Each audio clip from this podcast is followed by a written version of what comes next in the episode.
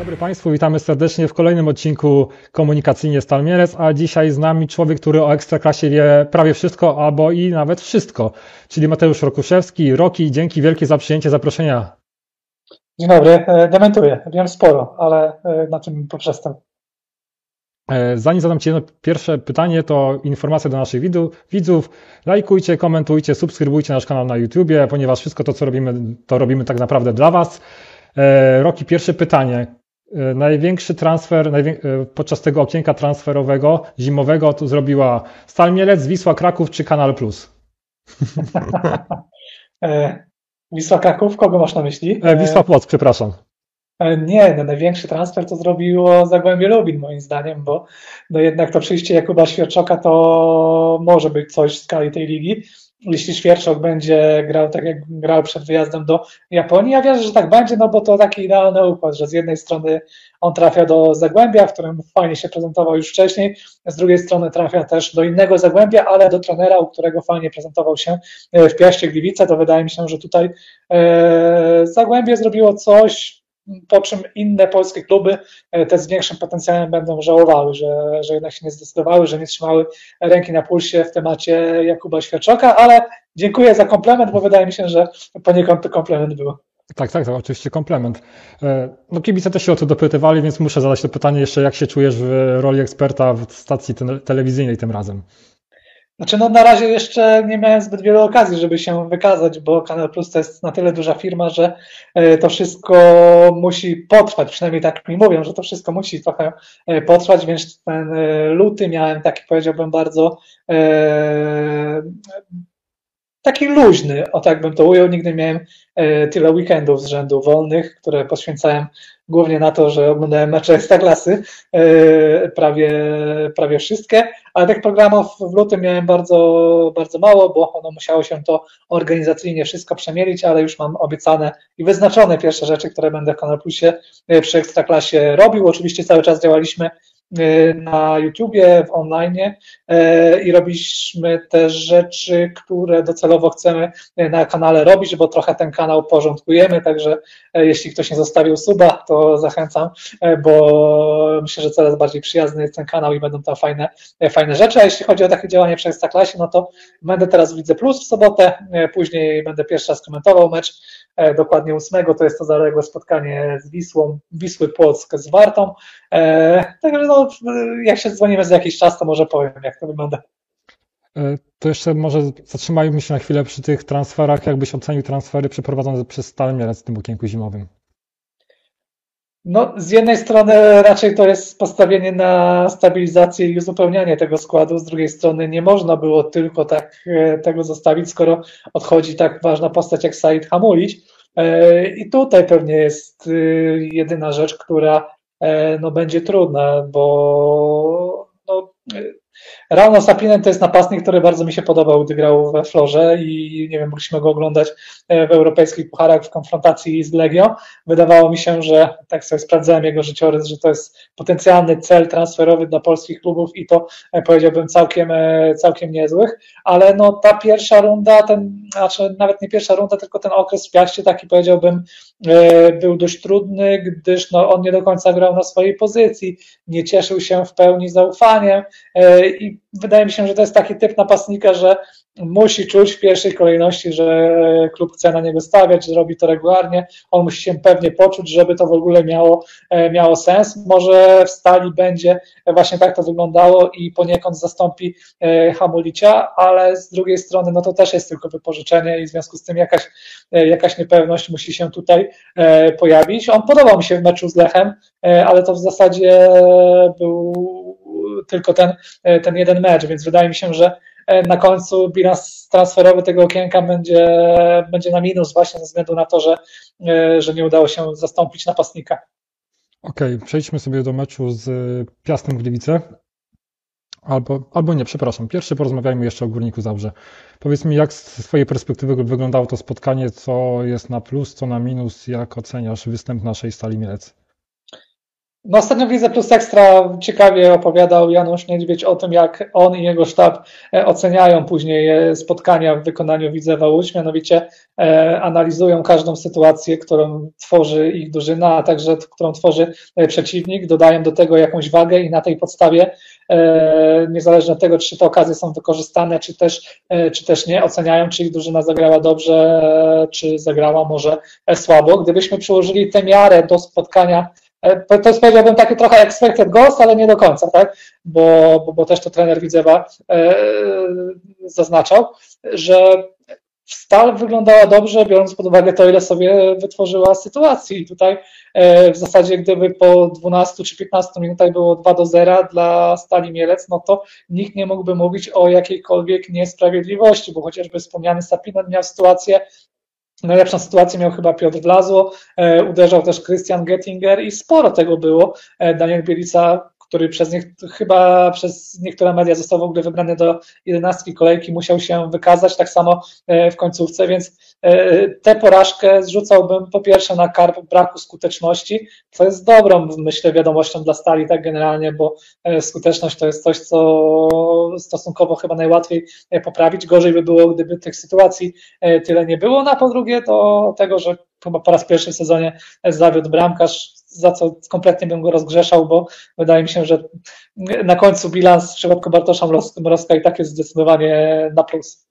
No właśnie, jeśli mówimy o Bartku, no to ta sytuacja powiedzmy, że to, tak jak mówisz, raczej nie powinniśmy mieć do niego żadnych tutaj pretensji, ani tym bardziej kibice, ponieważ, tak jak wspomniałeś, e, tyle sytuacji, które nam wybronił, no to jednak zdecydowanie jest na plus.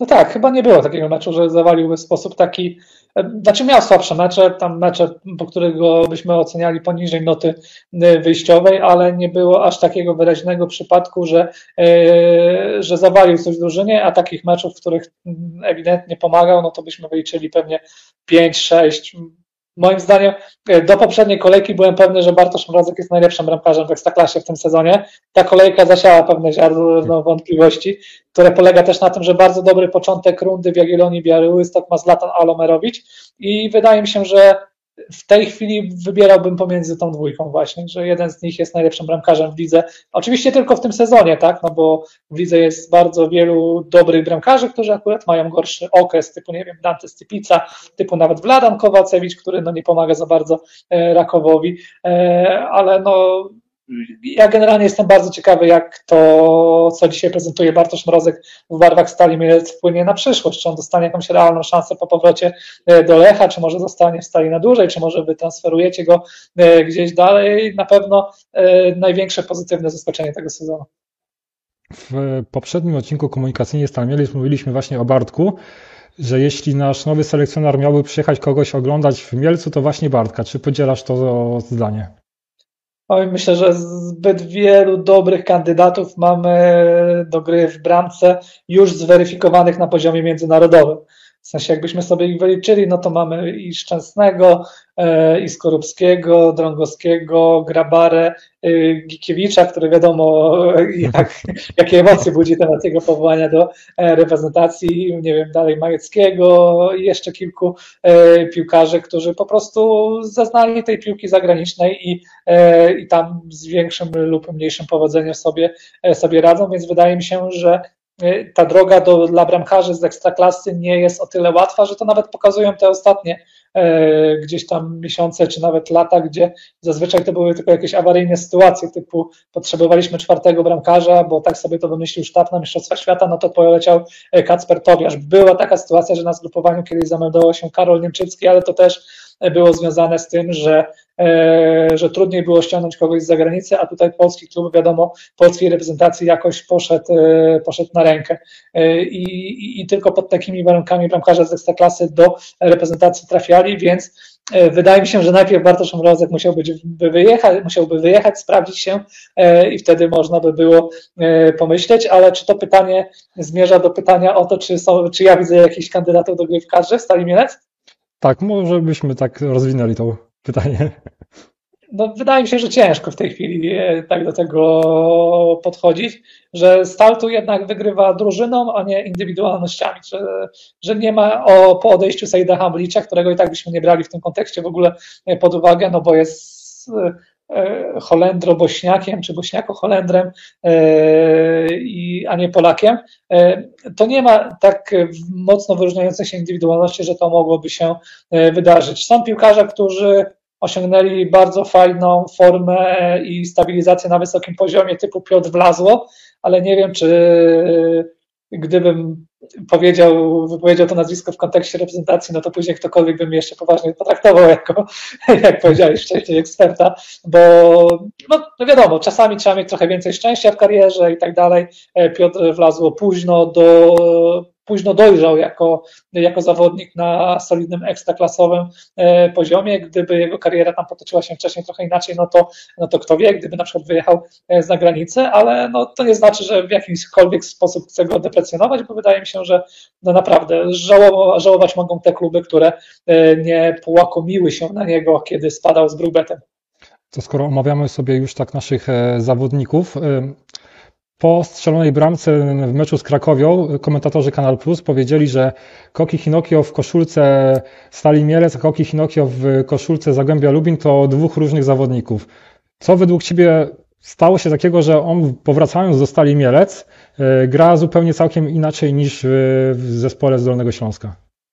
To znaczy, ja to interpretuję w ten sposób, że Japończycy to też już bardzo specyficzni ludzie i trochę jak w przypadku Sapinena. Zaraz wyjdzie nam, że wszyscy piłkarze to muszą, musi, musimy rozkładać nad nimi jakiś specjalny parasol ochronny, chuchać na nich e, i dmuchać, ale to wydaje mi się, że to jest ta sama odpowiedź, że że tutaj kwestia trenera, trenera, który, który go zna, wie, jakie są jego możliwości, który gdzieś e, wprowadzał go troszeczkę, e, znaczy trenował go na wcześniejszym etapie, kiedy, kiedy w ogóle do nas, e, do nas trafiał, bo nie mylę się, tak? Tak, tak, tak. Gdzieś nie, nie rozjechało mi się to na osi czasu, że prędzej była ta współpraca w Stomilu Olsztyn. No i to jest kluczem, że, że niektórzy piłkarze grają głównie u u wybranych trenerów, e, u trenerów, którym pasują i, i, i na tej zasadzie oceniam inaczej interpretuje dobrą grę Kokiego Hinokio dla Stali Mielec, a niekoniecznie e, dla Zagłębia, gdzie też ta konkurencja była zdecydowanie więcej, większa. Nie znaczy, że w Stali jej nie ma, bo to też jest jakaś zmiana w Stali Mielec e, w porównaniu do wcześniejszych e, rund, że tutaj, nie wiem, możesz postawić na ławce Macieja Domańskiego na przykład, bo masz Kokiego Hinokio i wybierasz pomiędzy dwoma ciekawymi piłkarzami, a, a w Zagłębiu to było normą, że tam jednak tych środkowych pomocników do gry była większa liczba.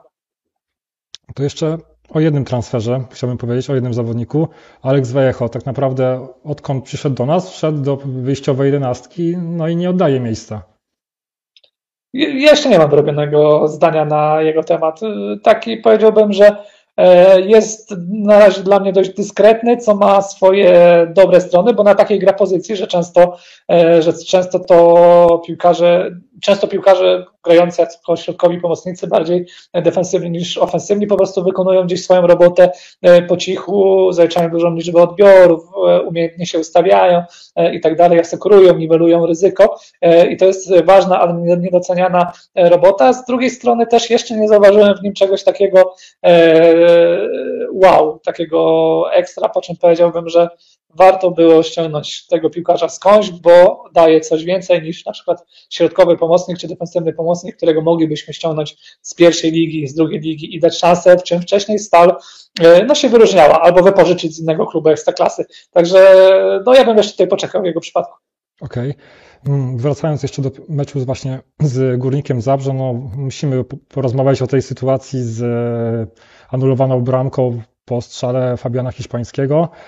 E, w Kanal Plus powiedzieliście wasi eksperci, że ta bramka powinna być uznana. Jak to wygląda według Ciebie? Czy, jak to w ogóle no, do tego doszło, że została anulowana? Jakoś tak w pierwsze tempo uznawałem, że rzeczywiście tam Mikołaj Lebedyński troszeczkę przesadził w tej walce o pozycję e, z Erikiem Janżą, ale tak im więcej było tych powtórek, no to wydaje mi się, że e, że nie zrobił nic takiego niestosownego, co wykracza ponad tę walkę o pozycję.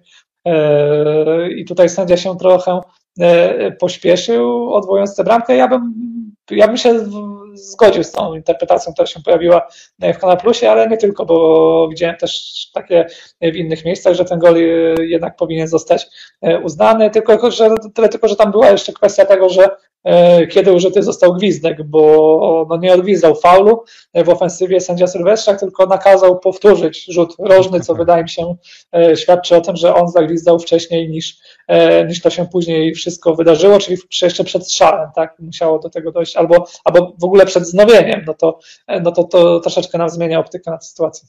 To jeszcze jedno pytanie, może troszkę kontrowersyjne, ale e, czy według Ciebie sędzia powinien chwilę odpocząć po tym mm, spotkaniu, ponieważ wiemy, że będzie teraz e, na warze e, w najbliższych meczach? I teraz powiem tak, jako, może jako adwokat diabła też postawię się w tej sytuacji. Czy jest dlatego, żeby właśnie się zrekompensować, czy jednak, nie będąc już tym adwokatem, czy powinien jednak być na chwilę, powiedzmy, dać mu chwilę odpoczynku?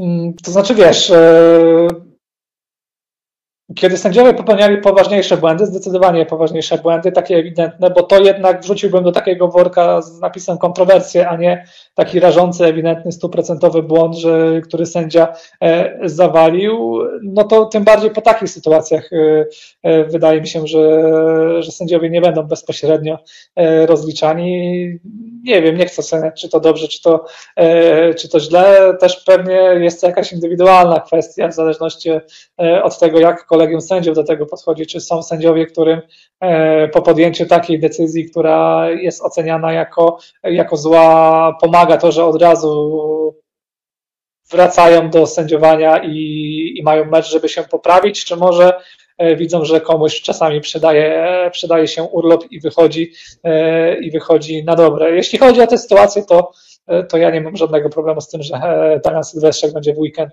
sędziował normalnie. Okej, okay, to już przechodząc do meczu z Piastem Gliwice, gdybyśmy, gdybyś ty miał wskazać miejsca, w które możemy powiedzmy jako stal uderzyć, tak? gdzie takie słabe punkty są w Piaście Gliwice, które mogą sprawić, że to stal właśnie zainkasuje te trzy punkty. To co by to było? Hmm. Łatwiej byłoby odpowiedzieć na to pytanie przed y, poprzednią kolejką, no kiedy zawieszony był Jakub Czerwiński y, i trzeba było go zastąpić Muniozem bodajże. No i to była rzeczywiście taka spora strata dla defensywy gliwickiego zespołu, a teraz raczej na papierze wydaje się, że ten skład będzie, będzie optymalny. Wydaje mi się, że e, Piast od odejścia Martina Kączkowskiego ma problem z prawą obroną. Są tam e, testowani, e, wystawiani różni piłkarze, zarówno za kadencji jeszcze wcześniej Waldemara Fornalika, kiedy grał na przykład Reinier, kiedy z dalekiej podróży wrócił Tomasz Mokwa, bo wiele osób mogło zapomnieć, że ten piłkarz jeszcze jest w ogóle na poziomie ekstraklasy.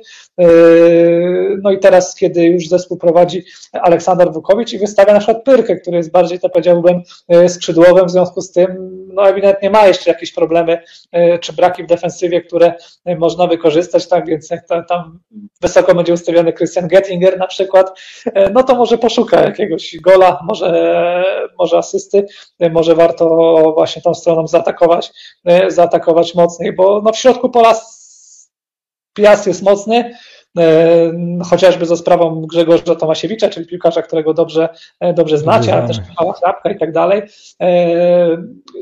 No i w ofensywie też potrafi zrobić dużo dobrych rzeczy. No, musicie liczyć, że Kamil Wilczek nie będzie miał takiego dnia, jak miał jesienią, kiedy grał no w zasadzie on miał bardzo słabą rundę, a tym hat-trickiem troszeczkę tak postawił znak zapytania przy tym, przy, albo e, ukrył to, że ma słabą rundę przed ludźmi, którzy na końcu patrzą tylko na bilans bramkowy, a nie na postawę w poszczególnych meczach. No to naprawdę było jakiś, jakiś mocny wyjątek w przypadku Kamila Wilczka w poprzedniej rundzie. E, czyli jeśli chodzi o zagrożenie ze strony Piasta, to Kamil Wilczek byle nie był w formie. No nie wiem, czy macie jako, e, jakiś na to wpływ, on jak gdyby częściej nie jest w formie niż jest, także, yy, także o, tyle, o tyle łatwiej, że, że jest duża szansa, że akurat nie będzie miał swojego, yy, swojego dnia, ale no Piast mam dużą siłę ofensywną, która nie jest do końca wykorzystywana w tym sezonie, no ale sam Damian Kądzior i jego stałe fragmenty gry to już jest e, naprawdę duża wartość e, i zbierając to wszystko do kupy, no to umówmy się, że jakimś nieporozumieniem jest to, że Piast tam jest zaraz ponad strefą spadkową i musi drżeć o ligowy byt, a nie gdzieś tam przynajmniej grać spokojnie w środku tabeli. To skoro właśnie mówisz o tabeli, to powiedz mi, mm, kto bardziej potrzebuje teraz tych trzech punktów według Ciebie? Czy Piast, czy jednak Stal, mm, która jeszcze nie zdobyła tak jakby kompletu, tak, w tej rundzie wiosennej? No jest jedyną drużyną obok Wisły Płock, która jeszcze nie, nie wygrała e, i to rzeczywiście z czasem może być e, jakaś narastająca presja, zresztą wy to bardzo dobrze znacie, bo mieliście wiosną poprzedniego sezonu taką serię, gdzie nie wiem na ile, ile było w tym prawdy, a ile e, tylko plotek, że już dość nerwowo się robiło też w kontekście trenera, który wykonał e, dobrą robotę i wiesz, e, no i chyba ten mecz z Legią był dopiero takim niespodziewanym przełamaniem i potem jak gdyby sytuacja się troszeczkę uspokoiła, ale to jest o tyle trudniejsze, że gdyby drużyna miała poczucie, moim zdaniem, że wygląda słabo, no to okej, okay, ale i mecz z Lechem Poznań i z Rakowem Częstochowa i to spotkanie z Górnikiem, no to były i pierwsza połowa z Krakowiem, no to były dobre występy e, Stali Mielec, które jak gdyby, drużyny, które prezentują się gorzej już coś wiosną wygrały, a, a Stal musi cały czas e, na to czekać i wydaje mi się, że to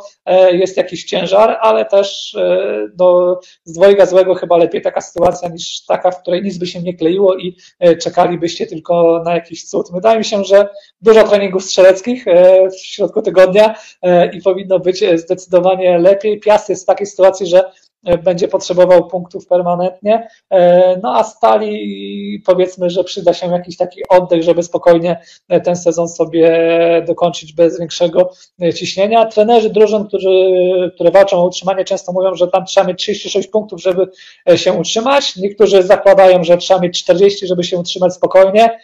No to wam zostało 7 no to myślę, że, że gdyby po tej kolejce zostało cztery, no to już by ciśnienie tak zupełnie e, zeszło i można by było spokojnie prezentować to, co Stal prezentowała jesienią.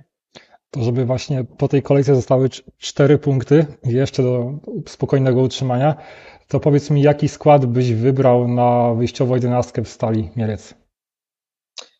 No nie wiem, czy.